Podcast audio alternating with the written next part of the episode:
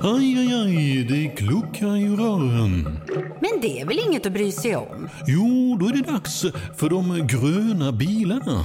Spolarna behöver göra sitt jobb. Spolarna är lösningen. Ah, hör du? Nej, just det. Det har slutat. Du lyssnar på poddversionen av senaste nytt från Expressen TV.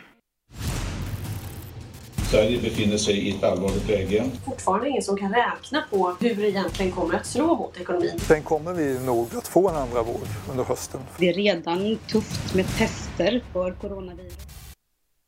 Tusen personer har smittats med det nya coronaviruset covid-19 världen över och över 7000 personer har dött. Vi på Expressen TV fortsätter att rapportera det senaste om spridningen av det nya coronaviruset. Det ska nu bland annat handla om det här.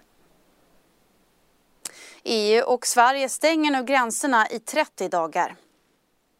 Hälften av de testade i Italien hade coronaviruset utan symptom. Och efter Joe Bidens succé i natt, flera primärval ställs nu in i USA för att stoppa smittspridningen. Ja, regeringen har alltså fattat beslut om att tillfälligt eh, stoppa eh, eller införa ett reseförbud till Sverige från och med eh, torsdag med anledning av det nya coronaviruset. Beskedet det kommer efter att EUs stats och regeringschefer enats om ett inreseförbud till unionen. Ja, men det är ju helt exceptionellt. Det här har ju aldrig genomförts förut och vi gör det också i, i en kontext där alla EU-länder kommer att på olika sätt genomföra samma eh, restriktion.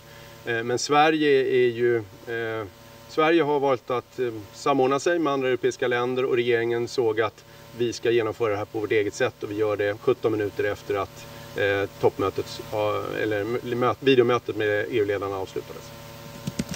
Och det här inreseförbudet det gäller då inte för personer som är bosatta i Sverige men som av någon anledning befinner sig utomlands. Det gäller inte heller för personer som har eh, särskilt viktiga skäl att resa till Sverige, exempelvis diplomater eller personer som är i behov av internationellt skydd.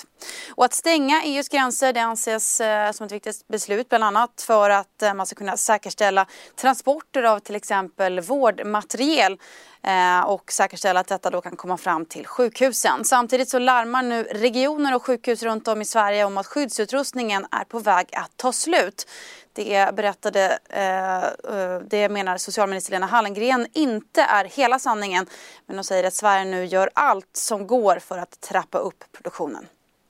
Jag vill först dementera att utrustningen skulle vara slut. Däremot så har vi under hela den här eh, hela det här utbrottet under hela tiden vi har haft coronasmitta som, som en känd sjukdom så vet ju vi att, att eh, just skyddsmateriel det är en, ett problem, en flaskhals, det är någonting som vi verkligen behöver arbeta med på så sätt att vi deltar i EU-gemensamma upphandlingar, att varje region fortsätter med sina uppköp, att vi också ser till att det finns en produktion, eh, att vi kan skala upp produktion i Sverige, att vi gör allt för att häva de exportförbud som har, som har stoppat upp eh, transporterna runt om i EU.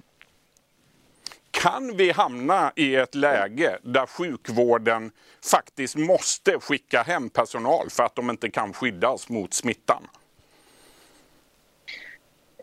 jag kan inte säga i framtiden men ambitionen är naturligtvis att vi gör allt vi kan och det är också så att regionerna gör allt man kan för att se till att man också förbereder sig för en situation som är betydligt mer allvarlig och mer omfattande än den vi har idag. Och det innebär att man också ser till att man inte använder utrustning när man inte eh, behöver. Och då menar jag att man, man provtar inte i den, eh, med de grupper som man inte upplever att man också kan få effekt Eh, nu går det, eh, finns det bilder som visar allt ifrån hur man åker hem till människor, hur man ser till att man har eh, provtagning utomhus, för att till att man sparar utrustning. Så att allting handlar om att se till att både resurser eh, och personal används på det absolut mest effektiva sättet. Och det är också därför mycket planerade operationer nu börjar ställas in för att man ska förbereda sig och se till att vi har material så det räcker och vårdplatser så det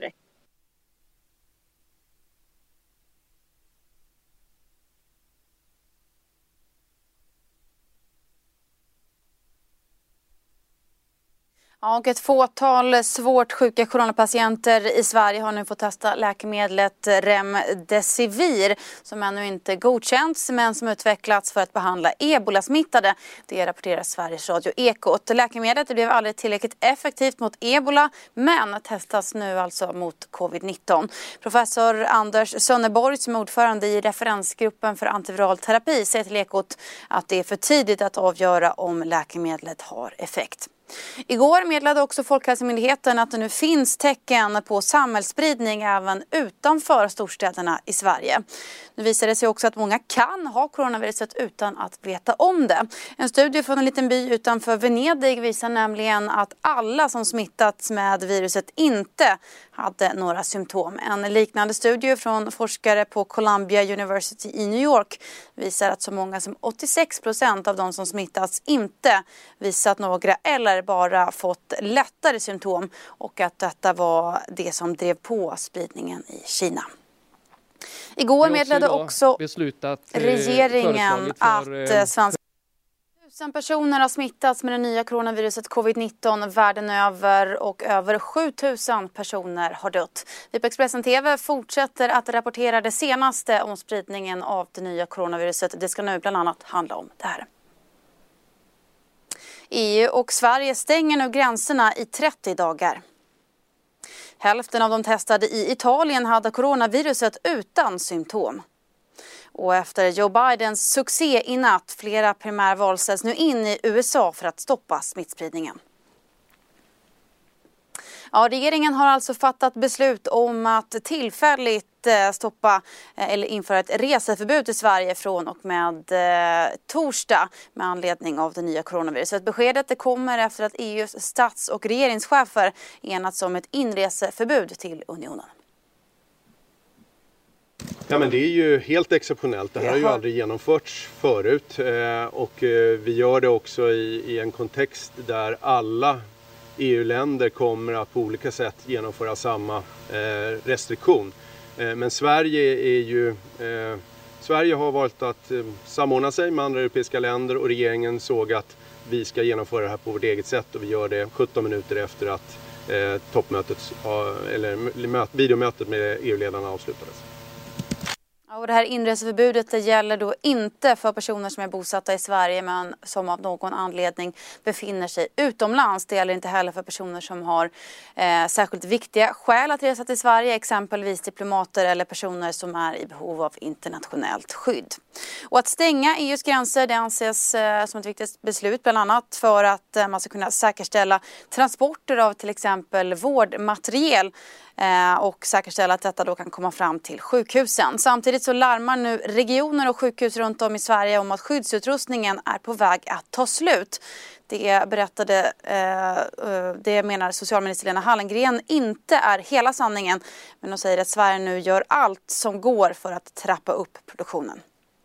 Jag vill först dementera att utrustningen skulle vara slut. Däremot så har vi under hela den här eh, hela det här utbrottet under hela tiden vi haft coronasmitta som, som en känd sjukdom så vet ju vi att, att eh, just skyddsmateriel det är en, ett problem, en flaskhals. Det är någonting som vi verkligen behöver arbeta med på så sätt att vi deltar i EU-gemensamma upphandlingar, att varje region fortsätter med sina uppköp, att vi också ser till att det finns en produktion, eh, att vi kan skala upp produktion i Sverige, att vi gör allt för att häva de exportförbud som har, som har stoppat upp eh, transporterna runt om i EU.